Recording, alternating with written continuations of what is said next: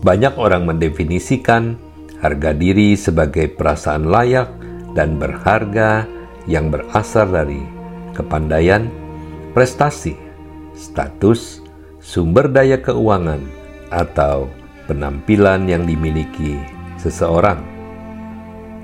Harga diri semacam ini dapat menyebabkan seseorang merasa independen, sombong, dan memuja diri sendiri, yang pada akhirnya menumpulkan keinginannya untuk mencari Allah.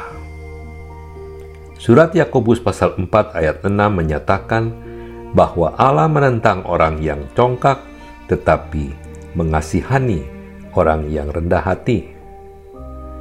Jika kita hanya bersandar pada kekayaan duniawi kita, kita akan memiliki perasaan layak dan berharga yang berasal dari kesombongan. Yesus mengajarkan kepada kita, "Demikianlah juga kamu, apabila kamu telah melakukan segala sesuatu yang ditugaskan kepadamu, hendaklah kamu berkata, 'Kami adalah hamba-hamba yang tidak berguna. Kami hanya melakukan' apa yang kami harus lakukan. Lukas 17 ayat 10 Namun ini tidak berarti bahwa orang Kristen harus memiliki harga diri yang rendah. Perasaan kita tidak seharusnya bergantung pada apa yang kita lakukan, tetapi lebih kepada siapa kita di dalam Kristus. Kita harus merendahkan diri di hadapannya, maka Allah akan menghormati kita. Kitab Mazmur pasal 16 ayat 2 mengingatkan kita, Engkaulah Tuhanku, tidak ada yang baik bagiku selain Engkau. Orang Kristen mendapat martabat dan harga dirinya melalui hubungan yang benar dengan Allah.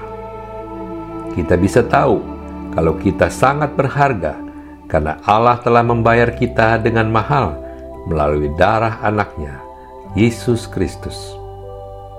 Di satu sisi, harga diri yang rendah adalah kebalikan dari kesombongan.